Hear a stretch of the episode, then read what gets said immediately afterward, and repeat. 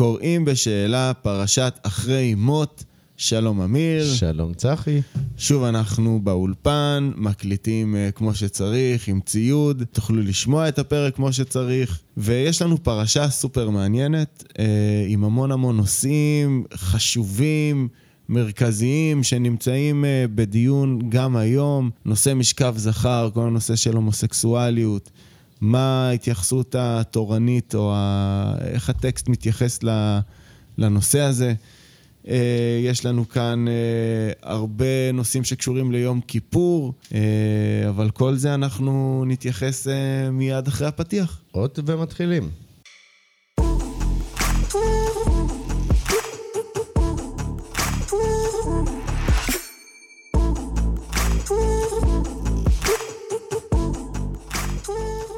אז שלום אמיר. שלום, שלום.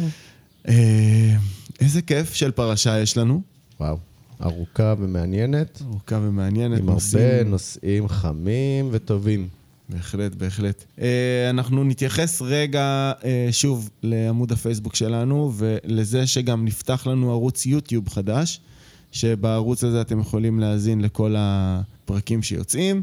ובפייסבוק שלנו מדי יום אנחנו רואים עוד ועוד תגובות שלכם, עוד ועוד אנשים שנכנסים ומתחברים. ואנחנו מאוד מאוד שמחים על כך. כמו בכל פרק, אנחנו נתחיל עם פרשה בקצרה. אמיר? כן, הפעם הזה זה לא פרשה בקצרה, זה פרשה קצת ארוכה, אז אה, ננסה לתמצת אותה כמה שאפשר, אבל נתחיל עם הסיכום של הפרשה הקודמת. פרשת מצורע מסיימת בתורת הזב המוציא שכבת זרע ואישה בנידתה, ומספרת שהם טמאים וצריכים להקריב קורבנות. על מנת להיטהר. ועכשיו הגענו לפרשת אחרי מות, פותחת באזכור על בני אהרון אשר קרבו והביאו אש זרה בזמן שאלוהים נתן אש אלוהית במזבח. ואז אלוהים מבקש ממשה לדבר אל אהרון שיותר לא ייכנס לקודש הקודשים בכל זמן, רק ביום אחד בשנה הוא יצטרך ללבוש את הבגדים המלאים של הכהן הגדול, ובנוסף יצטרך לתאר ולרחוץ את עצמו במים. ביום הזה ייקחו בני ישראל שתי שעירי עזים לחטאת ועיל אחד לעולה, אהרון ייקח פר אחד ויקריב אותו בשבילו ובשביל ביתו, ואת שתי השעירים יפריד, אחד לאדוני ואחד לעזאזל. כל אחד מקבל גורל אחר. השעיר לאדוני יקריב לחטאת, השעיר לעזאזל יוצא חי, אבל הכהן סומך את שתי ידיו על ראשו של השעיר ומפיל עליו את כל החטאים של בני ישראל. ואז שולח אותו למדבר לארץ גזרה. היום הזה יהיה כל שנה בחודש השביעי בעשור לחודש, תענו את נפשותיכם וכל מלאכה לא תעשו, האזרח והגר הגר בתוככם, כי ביום הזה יכפר עליכם לתאר אתכם מכל חטאותיכם לפני אדוני תתארו. שבת שבתון יילחם, והנתם את נפשותיכם חוקת עולם. לאחר נושא הכיפורים מגיע נושא אחר, איש איש מבית ישראל אשר ישחט שור, כסב או עז במחנה, או אשר ישחט מחוץ למחנה, ואל פתח אוהל מועד לא הביאו להקריב קורבן לאדוני לפני המשכן, דם יחשב לאיש. דם שפך ונכרת האיש ההוא מקרב עמו. בנוסף, האיסור ניתן גם לגר הגר איתכם. האיסור נועד על מנת שבני ישראל יביאו את הקורבנות אל אדוני ולא יזנו אחר הקורבנות אשר הם מקריבים בשדה רק במשכן אדוני ויהי ריח ניחוח לאדוני. מכאן מוזכר שוב איסור אכילת דם, כל דם, כי נפש אשר תאכל כל דם ונתתי פניי בנפש האוכלת את הדם ונכרתה אותה הנפש מקרב עמה. כי נפש הבשר בדם היא ולכן נתתי לכם את המזבח לתת שם את הדם ובכך לכפר על נפשותיכם בדם עם נפש החיה. אם יצאת לצוד חיה או עוף ונשפך הדם באפר תכסה ואם תאכל נבלה או טרפה צריך לרחוץ את גופו ולכבס את בגדיו וטמא עד הערב ונטהר אבל אם לא כיבס בגדיו ורחץ את גופו יישא בעוון. החלק השלישי מדבר על מעשה תועבה אשר אנשי מצרים ואנשי הארץ אליה בני ישראל הולכים, נהגו לעשות, ואלו הם התועבות. אחד, לא לחשוף ערוות בן אדם. שתיים, לא לגלות ערוות אביך ואימך, ולאמך גם אסור לחשוף את ערוותה בפני הילדים. ערוות אשת אביך, ערוות אחותך, בת אביך או בת אמך מלידה, או אחים חורגים. ערוות הנכדות, ערוות הדודה או אשת הדוד, ערוות הכלות של ילדיך, אשת אחיך, ערוות אישה וביתה לא תגלה את בת בנה ואת בת ביתה לא תיקח לגלות ערוותה, שארה הנה זימה היא. אישה בנידה, אשת עמיתך לא תיתן שכבת זרע, מזרעך לא תיתן להעביר למולך ולא תחלל את שם אלוהיך, משכב זכר כמו משכב אישה, משכב עם בהמה, גבר או אישה אסור. אם בני ישראל יחטאו בזה, הארץ תקיא אותם כמו התושבים הקודמים, שאותם הארץ הקיאה. זה הפרשה בקצרה. כן, איך מסכמים פרשה כל כך אה, מלאה בכל טוב? אה, המון המון נושאים מעניינים, אנחנו כהרגלנו ניקח את הנושאים שהכי עניינו אותנו ושהיה לנו ושיש לנו משהו לומר עליהם. אנחנו זוכרים ששתי הפרשות האחרונות, תזריע ומצורע, בכלל לא הזכירו את מוות אה, בני אהרון, את מות בני אהרון. ופתאום אלוהים נזכר לספר לנו שכן, שתי פרשות אחר כך. שתי פרשות אחר כך מזכיר לנו שבני אהרון באמת מתו בגלל הקרבת אש אה, זרה. וגם, תשים לב, הוא מזכיר את זה באיזשהו, כאילו, כן, אה, לאחר מות בני אהרון. לא, אין פה איזושהי חרטה, אין פה איזושהי עצבות בעניין. פשוט הוא עכשיו הולך לתת הנחיות חדשות לכהנים. בדיוק. אז רגע לפני שהוא נותן את ההנחיות, הוא אומר, אחרי מות אה, בני זה אהרון... בעצם קישור ל- למה כן. שהוא הולך להגיד, זה מילת בדיוק. קישור. אין פה, אין פה באמת שום אה, עניין של, הנה עכשיו אנחנו מבינים כמה זה קשה או משהו כזה. איזשהו אזכור אקראי מוזר, שתי פרשות אחר כך, באמת אה, out of the blue, מה שנקרא. כן, ו- ואנחנו רואים שיש לנו שתי פרשות שהן באמת, אתה יודע, זה כמו pause רגע בתאריכים של, של התורה, כן. ואז הוא חוזר ל timeline. ואתה זוכר שממש לפני אולי איזה שבע פרשות, דיברנו על העניין שהוא ימחה אנשים מהספר. כן, נכון. ואז יש לו חס- חוסרים ב- נכון. בתורה. אז הוא מכניס מדי פעם דברים שהם טכניים, אז יכול להיות שגם פה. אבל אני דווקא מסתכל על זה, זה מעניין שאתה אומר את זה, אני דווקא מסתכל על זה בדיוק הפוך. אני בא ואומר, הוא מזכיר אותם כי השם שלהם לא יימחה. זאת אומרת, העונש שלהם לא היה מספיק חמור כדי שימחו אותם מהספר. הנה, אנחנו כמה פרשות אחרי, והם עדיין מוזכרים. ואני זורק שנייה את השם שלהם, עושה name dropping כזה, שם אותם רגע, חבר'ה, אתם לא תימחו מהספר, נכון? קיבלתם עונש חמור, הרגתי אתכם, מאוד משפיל גם. אבל אנחנו נזכור אתכם. אתם, כן. אתם לא תימחו מהספר שלי. השאלה אם אזכור רע זה אזכור טוב. אתה יודע, יש את העניין כן, ב marketing. שכל פרסום רע הוא פרסום טוב. כן, אז השאלה אם זה, זה עושה לטובתם או לרעתם. הם לפחות לא יימחו מהספר. נכון. עד היום אה. מדברים עליהם. כן. מכאן אנחנו עוברים בעצם לקורבן הקולקטיבי שאהרון אה, מקריב על מנת לכפר לכל בני ישראל. ושמח אהרון את שתי ידיו על ראש השעיר והתוודה עליו את כל עוונות בני ישראל. אני רוצה להבין, אחד, האם בכלל העניין הזה הוא אפקטיבי? האם כשבן- כשאהרון מכפר עבור כל בני ישראל, האם זה עובד? האם באותו רגע כל האנשים שיש להם צרת, בהנחה שצרת זה עונש, כי דיברנו על זה נכון. פרק קודם, בהנחה שצרת זה עונש, האם פתאום ה- ה- הצרת הזו נעלמת? האם זה באמת עובד? או האם זה איזשהו טקס לבוא ולהגיד, אנחנו עושים איזושהי כפרה קולקטיבית, אבל זה לא באמת עובד, אתם עדיין צריכים לעשות בעצמכם את העבודה שלכם. אנחנו עושים איזשהו טקס, אני מסתכל על זה כמו מענק קורונה. אוקיי? שאומרים, הנה, כל העצמאים עכשיו יקבלו מענק. מה אתה מקבל? שקל וחצי, אם בכלל. וגם אז- כדי לקבל אותו, אתה צריך למלא מלא מלא דפוסים. אבל זה, אתה יודע, כן, וזה, וזה כאילו מראה יפה, הנה אנחנו הענקנו לכל העצמאים אה, מענק, אבל כן. בתכלס אתה לא מקבל כלום. השאלה היא, לא, תראה, יש כאלה שמקבלים. אה, העניין הוא, האם יש פה כאלה שמקבלים? נניח, אתה, אתה צודק, באמת, העצמאים פה בתקופת הקורונה אכלו אותה חזק מאוד, לצערי. אה, ואני כן מסכים איתך שיש דמיון רב בזה, שזה שעשו את, ה, את הכפרה הקולקטיבית לא פוטר אותך מלעשות את העבודה שלך, פרסונלי. הפרסונלית. אבל השאלה היא האם בכלל, כי במקרה של העצמאים, יש עצמאים שקיבלו כסף. כן. השאלה היא האם פה יש אנשים שחטאו ונסלח להם בגלל הכפרה הקולקטיבית. האם זה באמת עובד? או האם זה איזשהו טקס בלבד? יכול להיות שכמו שבמענק יש לך מדרגות, אז גם פה יש מדרגות. אם אתה נכלל בתוך האלה שחטאו חטא שהוא לא אה, הרי גורל, ואתה, זהו, מפה אתה מת, כן. אז, אז אולי זה כן יסלח לך. חטאים קטנים. אם עשית משהו שהוא גדול ומצריך... חטאים שאין, שאין עליהם עונש. כן, שאתה זה גם, שאתה גם. בספק אם אתה צריך ללכת ולהקריב קורבן. מעניין. אז אולי זה יכפר לך, אבל שאר האנשים שעשו משהו גרוע יותר, אולי לא. זו, זו גישה מעניינת. אתה והש- בעצם אומר שהכפרה הקולקטיבית באה לכפר עבור חטאים שאין עליהם עונש. חטאים שהם כזה. אתה יודע... בספק. בספק, או חטאים שהם לא מספיק חמורים לעונש, אלא, אתה יודע, עשית משהו לא יפה, נו נו נו. כן. כזה. כמו למשל, נניח לאכול חזיר.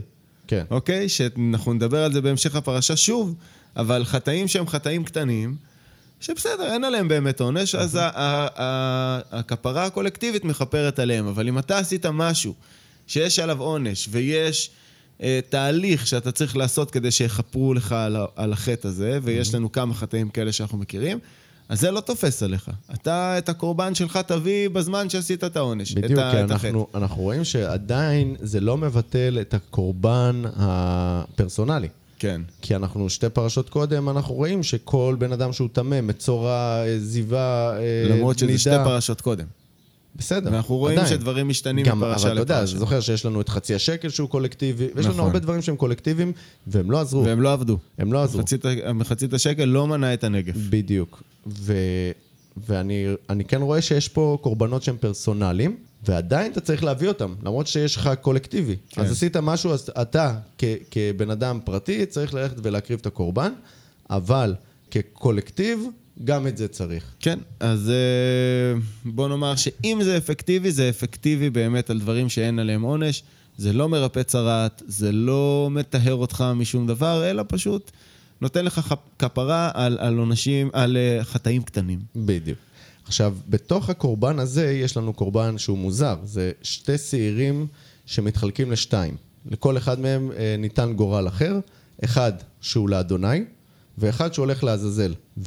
ואלוהים אומר, אתה תקריב לי שני קורבנות, ואחד הולך אליי, אחד הולך לעזאזל, ואני לרגע משווה את העניין הזה. הוא, לא אני, הוא משווה את הקורבנות האלה, ואומר, אחד זה הכי טוב, זה אני, והשני הוא הכי גרוע, זה עזאזל. כן. מי זה עזאזל? או מה זה המקום הזה עזאזל? למה לעזאזל אתה אומר עזאזל? כן? אני חושב שאו שיש פה אל נוסף שהוא מתנגד רציני לאלוהים, יכול להיות, כן? אל תהרגו אותי על הדבר הזה, כן. אבל יש פה עניין שאתה משווה את הדבר הכי גרוע. הדבר הכי גרוע זה עזאזל כרגע. אבל מה שאני רואה בתוך הקורבן הזה, שהקורבן שאמור להיות לדבר הכי טוב, לאלוהים, הוא זה שמת. כן. והקורבן השני, הוא זה שחי. נשלח למדבר. ולמדבר, אין לש... לשעיר אין בעיה ללכת במדבר. או שכן, אני, אני לא יודע. כן. מעניין, זה תלוי אם יש במדבר הזה מים, אה, עשבייה, תלוי איפה הם נמצאים. אם הם נמצאים באמצע מדבר שכוח אה, שכולו חול וחול לכל עבר, אז זאת תהיה בעיה, ואנחנו יודעים שאפריקה היא לא כולה כזו, וסיני היא לא כולה כזו. לא, ב- בכל המקומות שבני ישראל הולכים, יש מקומות של מים. זה בדיוק. מקום שהוא די בשפע. כן. אז סביר להניח שה... שהקורבן הזה כן ישרוד. נכון? והוא גם שולח אותו לארץ... אה, לארץ אחרת. הוא כן, הוא שולח אותו לארץ אחרת, ששם בעצם הוא גם נושא עליו את כל עוונות בני ישראל. כן. איזה משקל יש לעז הזאתי. בעצם מעניין, באמת מעניין מה קורה עם, ה... עם הקורבן השני, שהוא לא כל כך קורבן, הוא פשוט משתחרר אה, למדבר. מעניין, מעניין מאיפה זה מגיע, יש פה הרבה סימני שאלה על הנושא הזה. עכשיו, אני רוצה לשאול אותך שאלה. עד עכשיו, לכהן הגדול היה מותר להיכנס לקודש הקודשים. נכון. לא היה הוא שום היה צריך בעיה, לשים הוא היה- פעמון כדי פעמון, להזהיר את אה, אלוהים שהוא נכנס. בדיוק. כן. ופתאום בפרשה הזאת קרה משהו שאין יותר כניסה. אם חשבת שאתה יכול להיכנס חופשי חודשי, אין דבר כזה. כן. יש לך פעם אחת בשנה, בחודש השביעי, בעשירי לחודש, אתה תלבש את הבגדים שאני נתתי לך ו- וחפרתי לך עליהם שלוש פרשות ברצף, כן? אתה תלבש אותם פעם אחת בשנה, כן, ואז אתה תיכנס. נכון. והשאלה, למה? לקודש הקודשים, לא? למשכן, אבל. לקוד... כן, כן, כן, לא כן. מדבר על כל האוהל כן. מועד וזה. מדבר רק על קודש הקודשים. מהמם. למה? מה, מה פתאום... אה, כן. למה הידרדרו היחסים? איך כן, הגיעו היחסים עד ל... הערת תנאים.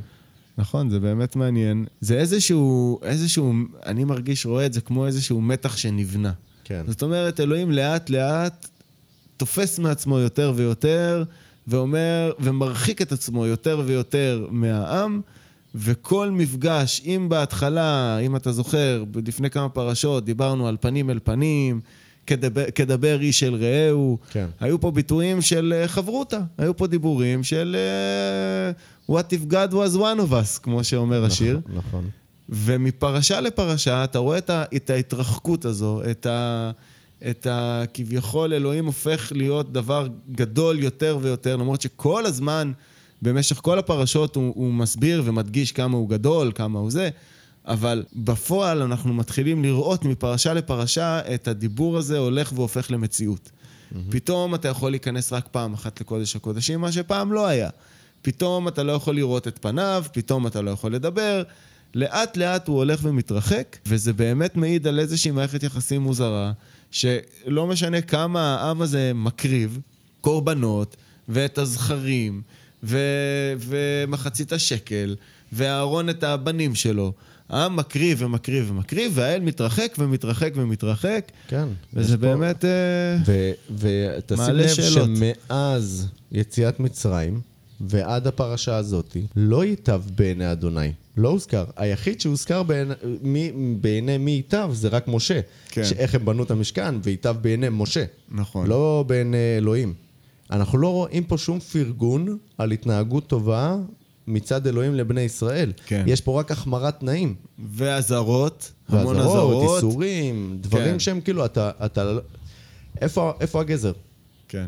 אנחנו רואים פה המון הגזר היא מקלות. הארץ, המובט... הארץ המובטחת כביכול. וה... והאמירה שאני אשמור עליכם ואני אדאג לכם ואתם העם שלי, כן. זה הגזר, אבל הגזר מתחיל להתערער. זאת אומרת, אנחנו רואים שככל שהוא מתרחק יותר ויותר, ככה, אתה יודע, העם פתאום מרגיש שהוא פחות שומר עליו, שהוא פחות איתו, הוא הולך ומתרחק ממנו, אתה מבין? זה כמו, אתה יודע, בעלים של קבוצת כדורגל, שמשנה לשנה הולך ומשקיע פחות במועדון. ברור לך שבאיזשהו שלב הוא יעזוב. גם פה, אתה רואה שלאט לאט הוא מתרחק ומתרחק מהעם. העם, אני חושב, כבר מתחיל להבין, רגע, מה, מה קורה פה? למה, למה פתאום רק פעם אחת אני יכול להיכנס לבית מקדש? הרגת את הבנים שלי, עכשיו אתה אומר לי, תיכנס רק פעם אחת. כאילו, למה אתה מרחיק אותי ככה? אולי, אולי בגלל זה שהוא הרג את הבנים שלו, הוא חושב שאהרון כבר, אתה יודע, באיזשהו אה, ספקנות... חושש להכניס אותו. ספקנות או משהו כזה, והרי אם הוא קורא לב וכליות, הוא, כן. הוא מבין את הרגשות של אהרון ואומר, תקשיב, כדי שלא תמות, שאני לא אצטרך להרוג אותך כמו הבנים שלך, בוא תיכנס פעם אחת, פעם כן. אחת בשנה, תתרכז טוב טוב טוב, ותבוא. יכול להיות שזו הסיבה לאזכור של המוות של הבנים של אהרון. בגלל זה אסור לו להיכנס. בגלל, אה, הוא הזכיר את המוות של הבנים של אהרון כדי להסביר למה עכשיו אני מוריד את כמות הביקורים שלך בקודש הקודשים לפעם אחת כן, בשנה. כי הוא גם מזהיר אותו שם, אל תיכנס סתם שלא תמות. נכון. עכשיו, למה, למה לא למות? כי אם הוא עושה את כל מה שביקשת, הוא לא ימות. אז כנראה שהוא מבין שהמחשבות של אהרון הן מחשבות שהן כרגע לא במקום, כן, לא טובות. כן, ו- ומכאן מגיעה האזהרה. עכשיו, אנחנו רואים בפרשה אזכור ראשון ליום הכיפורים, כן. והוא חל באמת בחודש השביעי, בעשירי לחודש, והשאלה שנשאלת, ממתי אתה מתחיל לספור את החודשים? ממה מי שהוא הוא אמר- החודש הראשון? מי הוא החודש הראשון? בדיוק, התחרות על המקום הראשון. האם זה החודש שאלוהים הגדיר אותו החודש הראשון, חודש האביב, מיציאת מצרים, או ראש השנה, שאני חושב שראש השנה, אתה יודע, אם, מה זה אני חושב? ראש השנה זה ראש החודשים. נכון. משם אתה מתחיל לספור. אז מה פתאום...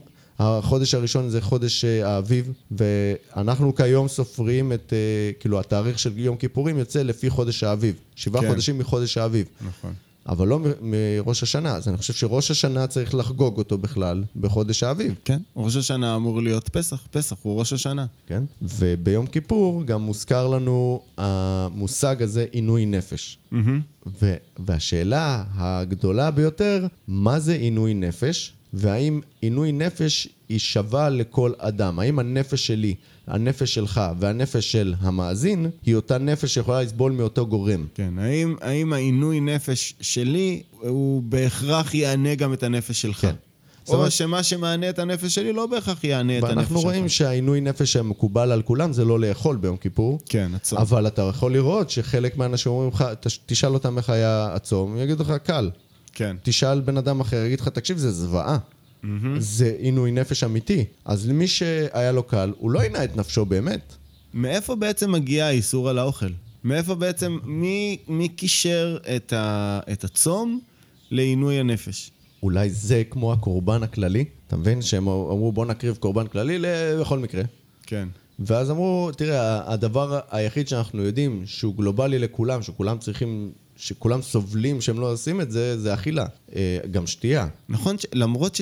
תסתכל על זה רגע, יום כיפור במקרא, יום כיפור בטקסט פה, הוא יום של הקרבת קורבנות ואכילת בשר. נכון? הוא לא יום של צום. בכלל לא.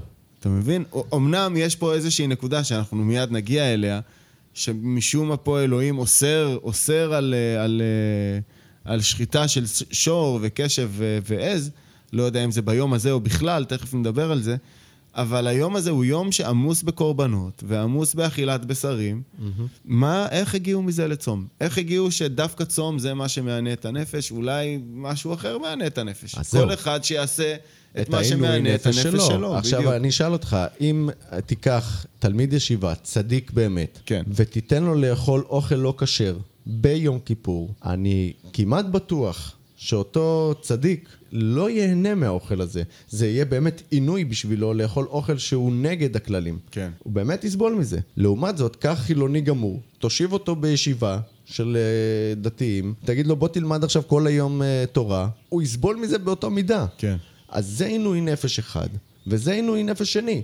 ועכשיו, יותר מזה, החטאים שלנו מכופרים פה על ידי השעיר. ואומרים, אלוהים אומר, כל החטאים שלכם יכופרו ביום הזה. אז אולי בעצם הכוונה...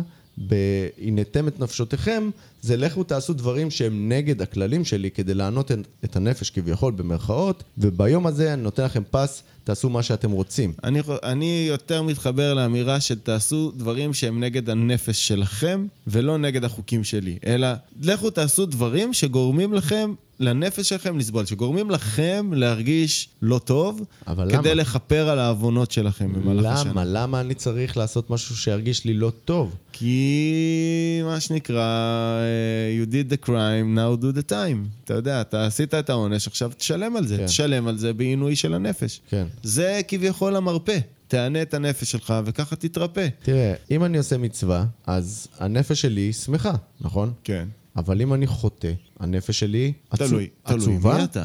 אני מענה אותה. תלוי מי אתה. לא, אה, גם לך, גם כחילוני. אם אתה עושה משהו שהוא נוגד את האמונה שלך... את האמונה שלי, לאו דווקא החוקים שלך, של האל. לא מדבר על החוקים של האל. אוקיי, אז אתה אומר את מה שאני אומר. תעשה דברים כן, שגורמים כן. לנפש שלך להתענות. אבל זה, זה בדיוק זה, כאילו, כשאתה עושה משהו שהוא טוב לך, אז הנפש שמחה. אבל כשאתה עושה משהו שרע לך, הנפש עצובה, כן. היא, אתה מענה אותה. נכון. אז, מה, אז, אז פה השאלה, האם אלוהים מתכוון לעשות משהו שהוא אחר? לאו דווקא מהחוקים שלו, דברים שנוגדים את מה שהנפש שלך רוצה. אמ, איש איש מבית ישראל אשר ישחט שור או קשב או עז, ואל פתח אוהל מועד לא הביאו להקריב קורבן לאדוני, דם יחשב לאיש ההוא, דם שפך ונחרט האיש ההוא מקרב עמו. האם מדובר פה על איסור גורף לאכילת בשר? האם מדובר רק על יום כיפור? האם בניגוד לאכילת חזיר, שהעונש עליו, כמו שאמרנו כבר, זה רק טומאה עד הערב, העונש על אכילת בשר של שור וכבש ועז הוא מוות? לא, וגם הטקסט ממשיך ואומר, לא יזבחו עוד את זבחיהם. האם יש פה איסור מוחלט על, על הקרבת אה, אה, ח... בהמות טהורות, אם זה לא בבית המ... אם זה לא במשכן, האם זה לא באוהל מועד? האם יש פה איסור על הדבר הזה? כי לא ברור לי, הפסוק הזה לחלוטין לא מובן. כן, כי הוא לא מתייחס רק ליום כיפור, הוא בא בפני עצמו, הוא כן בפרשה של יום כיפור, אבל הוא בא בפני עצמו. וזה באמת, כאילו, לפי הטקסט אתה יכול להבין שאסור לך לאכול קורבן שהוא לא למטרת אה, קורבן. הקרבת קורבן. הקרבת קורבן כן. לאלוהים. כן. ולא רק זה, אתה חייב להקריב אותו, לשחוט אותו. רק במשכן. רק במשכן, כי רק המזבח מסוגל לשאת את הדם. כן. כי הוא אומר שבתוך הדם הנפש של הבהמה או של החיה נמצאת. Mm-hmm. ו... ואם אנחנו כבר מדברים על דם, תשמע, האיסור על אכילת דם בפרשה הזו הוא כל כך חמור. אתה יודע, זה עונש מוות, וגם יש פה איזשהו ביטוי לעונש, ש... כאילו נלקח מסרט אימה, בסדר? הוא אומר, ונתתי פניי בנפש האוכלת. זאת אומרת, אתה יודע, הארי פוטר יש את הזה שפתאום יש לו פלשבקים של וולדרמורט כזה. כן, כן. אתה יודע, זה קצת מרגיש ככה, כמו איזה... תיזהר, אני, אני אתגלה לך, אני אהרוג אותך, זה עונש כל כך חמור על אכילת uh, דם. עכשיו עוד פעם, בוא, בוא תסתכל מה קורה היום. אני לא שמעתי על איסור לאכול סטייק מדיום רר, אני כן שומע על איסור חמור לאכול חזיר, ובוא רגע נשווה בחומרות. זאת אומרת, לכאורה, אם אנחנו הולכים לפי הטקסט, לאכול סטייק מדיום רר, כן? וגם אם המליכו את הבשר, שלא יעבדו עליכם, עדיין יש שם דם, כן? Mm-hmm. כשאתה שם את הסטייק אחר כך על הצלחת, אתה רואה את הדם. האיסור על הדבר הזה הוא פי אלף יותר חמור מהאיסור על אכילת חזיר, ש, שפה האיסור הוא כל כך פשוט. לא יודע, זה פשוט נשמע לי הזוי ש, שמול כזה איסור חמור, הדת כאילו הדת היום. יוצאת מגדרה על, לא, על אומר אכילת הפוך, על- חזיר. בדיוק, יוצאת מגדרה, מגדרה על אכילת חזיר, אבל כאילו אומרת, סבבה, לא קרה כלום על דם. כן. שזה פה, אתה יודע, מדאורייתא, אני לא ראיתי עדיין איסור כל כך חמור במשהו שקשור לאוכל כמו האיסור פה. נכון. וגם על חלב, איך- דרך אגב. אז איך מדלגים על זה ככה? איך, איך זה כאילו... אין- אין דילוג, יש באמת איסור. כאילו, אסור לך, נגיד, על כבד, אתה חייב לצרוב אותו. אבל אתה לא מנקז לו את כל הדם כן, ממנו. אבל עזוב כבד עכשיו, סטייק. כן, כן, כן, כל בשר. העיקר שיגע באש. זה ההלכה. כן. אבל עדיין יש בפנים דם. עדיין הדם בפנים, בדיוק, אתה לא יכול לנקז מתוך הסטייק, נכון. מה תאכל אבן? נכון. עכשיו, תראה מה הוא אומר שם, אתה דיברת על הארי פוטר, אז הוא אומר, כי נפש אשר תאכל כל דם, ונתתי פניי בנפש האוכלת את הדם, ו... ואז הוא רושם, והכרתי. אני יכול לקרוא, את- לקרוא את המילים האלה כהכרתי. זאת אומרת שברגע שאכלת את הדם, אלוהים מזהה אותך, יש לך סימון על הפנים שלך. כן. והוא מכיר אותך מכל הקהל, הוא כן. יכול לזהות אותך, אה, ואז אתה תקבל את העונש. מעניין. זה באמת, יש פה ענישה מאוד מאוד חמורה, שלדעתי הדת לא מייחסת לה את החשיבות המספיקה היום, ולעומת זאת על דברים שהם כביכול אה, הרבה הרבה פחות אה, חמורים. בוא, אתה יודע מה? בוא שנייה נמשיך טיפה קדימה. הפרשה שוב אומרת לנו שאוכלי נבלה וטרפה, כן, טרפה, כן. כן, בין היתר חזיר, צריך בסך הכל לכבס את הבגדים, להתקלח, לחכות עד הערב, וזהו, אתה טהור. כן. אין פה איסור בכלל. זאת אומרת, בניגוד לדם שיש לך פה איסור חמור עם ענישה חמורה וה- והגדרות מאוד מדויקות ללמה אסור ומה יקרה לך, כולל התסריט אימה, הדת נותנת לזה חשיבות, בוא נגיד, בינונית ומטה, לעומת זאת חזיר, סמל האי כשרות. הדבר הכי חמור שאפשר לעשות כביכול בעניין, בענייני כשרות, זה בכלל לא איסור. זה בסך הכל, דיברנו על זה קודם, אזהרה מגבילה. זה בסך הכל משהו שבסדר, עשית סבבה, תתקלח, וזהו, כן, נגמר והוא אומר הסיפור. לך, ואתה טהור, ונטהר. ממש, כיבס את ממש בגדיו, מוזר. רחץ את, אה, את אה, בשרו ונטהר. הוא אומר לך, אתה טהור רגע אחרי. אני ממש אשמח אם מאזינים אה, דתיים שלנו, שיש להם ככה תשובה לשאלה הזו, ייתנו לנו, תנו לנו תגובות. תנו לנו תגובות בפייסבוק, תגידו לנו מה אתם חושבים על זה, והאם האם זה נראה לכם הגיוני, באמת מעניין אותי לדעת. ומפה הפרשה לוקחת אותנו על העניין גם של אדם לקטע של ציד. איש איש מבני ישראל ומן הגר בתוכם, אשר יצוד ציד חיה או עוף, אשר יאכל ושפך את דמו וכיסהו בעפר. אז אם הלכת וצד את החיה בשדה, כל חיה, אה, ונשפך לה דם, אז הוא מבקש לך לכסות את הדם, כי הדם הזה, מה שאמרנו, זה נפש. כן. והוא אכל אותה. כאילו, אכל, אכל את החיה. הוא אכל כל חיה. אכל כל חיה. כן. זאת אומרת שהפסוק, מפה, מהפסוק הזה, אני יכול להבין שהציד לכל חיה ולאכול אותה, היא לגיטימית, כל עוד אתה לא מגיע למשכן, אה, אתה יודע, ל- כן. ל- לעבוד בעבודת קודש. כי, כי פה הוא אומר לי שזה קורה, הנה. אנשים, אנשים מבני ישראל, כי התורה הזאת ניתנת לבני ישראל ולגר. כל חיה, אז החיה הטהורה בעצם מדברת לבני ישראל. וכל חיה מדברת לגר, כי הפסוק הזה מדבר גם לא, אני, לגר. אני, מסתכל על זה, אני מסתכל על זה ככה, אני בא ואומר, הפסוק הזה בעצם אומר לי, כן, מותר לאכול כל חיה, אוקיי? כשאתה אוכל חיות שאתה לא אמור לאכול, אז אתה אתה טמא עד הערב, בסדר? כן. אבל ברור לי שאתה אוכל אותם. זאת אומרת, ברור לי שאוכלים אותם, רק כשאתה אוכל אותם אל תשכח לא לאכול את הדם, כי זה באמת אסור. כן. תכסה את הדם. תזכור שאם אכלת חיה שאתה לא אמור לאכול, אז אתה טמא עד הערב. אבל ברור לי שכשאתה הולך לצוד ואתה צד חיה, אתה תאכל אותה. רק תוודא שאין, שאין לה דם. זה הכל. כן, ושגם אדם ש... שלקחת, רק תכסה אותו. תכסה בדיוק, שהנפש לא תישאר uh, ככה באוויר. מכאן הפרשה עוברת לדבר על uh, איסור יחסים בין uh, קרובי משפחה. אני מאוד מאוד אוהב את הביטוי כי ערוותך הנה. אוקיי. כי, והאיסור הזה אגב מדבר בעיקר, בעיקר על, uh, על אנשים שהם בעצם מה-DNA שלך. אני מזהה המון דמיון בין DNA לערוותך.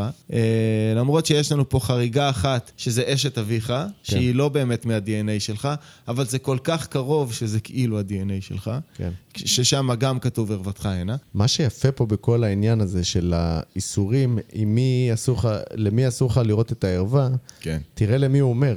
הוא אומר, אפילו לדודה שלך, לאישה של הדוד. כן. והוא, פה הוא מכתיר אותה כדודה. נכון. גם היא דודתך. כן. אוקיי, אז הוא הופך אותה, מיד הטייטל שלה הופכת לדודה. אה, מה שעד עכשיו, אתה יודע, אתה מתלבט כזה, איך אני אקרא לה? אני אקרא לה ככה? אני אקרא לה דודה? בשם נקרא שלו. לו דוד או שאני אקרא לו אלי? כן, הוא, הוא דוד שלי או שהוא... מה הוא בשבילי? אז הנה. כן. התשובה היא פה, הוא דוד. והוא לא משייך את הערווה לבעל, אתה מבין? כן. זאת אומרת שעד עכשיו ראינו כי האישה שייכת לבעל, הבת שייכת לאבא, אה, כאילו, ופה הוא לא, הוא לא נותן להם ייחוס כאילו שהוא שייך למישהו, הוא רק אומר לך, אל, ת, אל תגלה את הערווה, כי זה לא נעים. כן, כן. זה לא נעים, זה לא יפה, זה לא בסדר, אבל זה לא שייך לאף אחד, אתה מבין? מכאן הפרשה עוברת לדבר על נושא שהוא נושא בוער, הוא נושא חם שמדברים עליו עד היום. יש הרבה מאוד דתיים שמתלבטים מאוד בשאלה הזו, כי גם הם הומוסקסואלים, והנושא הוא הנושא של משכב זכר. הטקסט פה, אנחנו שוב נותנים את הפרשנות שלנו לטקסט, אנחנו לא אלו שכתבו את הטקסט, חשוב להגיד את זה מראש, וזו ממש לא הדעה האישית שלנו, אלא איך אנחנו מבינים את הטקסט שנכתב פה. אז הטקסט חד משמעית אוסר על משכב זכר. הוא אומר לא לקיים משכב זכר כמו שמקיימים אה, משכב אה, אישה. טקסט פוסל יחסים הומוסקסואליים מכיוון שעל פי הכתוב מדובר במעשה שעשו העמים שחיו בארץ לפנינו והכריז אותו איבה. שים לב שיש כאן גם עונש כפול, גם עונש קולקטיבי לעם ותקיע הארץ את יושביה, כמו שהקיע את העמים שישבו כאן לפני, וגם עונש אישי לעושה ונכרתו הנפשות העושות מקרב עמם. מצד שני, כן אפשר להסתכל פה על הנקודה שהאל מכיר בזה שהמעשים האלה קרו וקורים. זאת אומרת, יש עמים שמקיימים את הדבר הזה. אני לא אקרא לזה טבעי, כי גם באותה נקודה הוא מכניס את משכב בהמה, מה שאותי קצת uh, מרגיז, כי, כי זה לא אותו דבר בעיניי. אבל הוא כן מכניס את שני הנושאים האלה לאותה קטגוריה בטקסט, אבל הוא כן מכיר בזה שזה דברים שנעשו וזה דברים שקורים בעמים אחרים. אז אתה יודע, טבעי, לא טבעי, ניתן מה לפרשנות. שאני, מה שאני רק יכול להגיד על הדבר הזה, זה שעד היום הארץ לא הקיאה אותנו ב-70 שנה האחרונות. כן, אז אה, אתה יודע. כן, כן, בדיוק. זהו, אני חושב שאלו היו כל הנקודות. אנחנו מסיימים uh, את הפרק הזה בנושא לוהט. אנחנו ממש נשמח לתגובות שלכם, כי יש פה באמת הרבה מאוד נושאים שאני חושב שיש לכם הרבה מה להגיד עליהם, uh, ואנחנו נשמח לשמוע ולקרוא, ואולי אפילו להתייחס. תודה רבה לכם שהאזנתם. תודה רבה, וניפגש בפרק הבא. ולהתראות. כן, ביי ביי.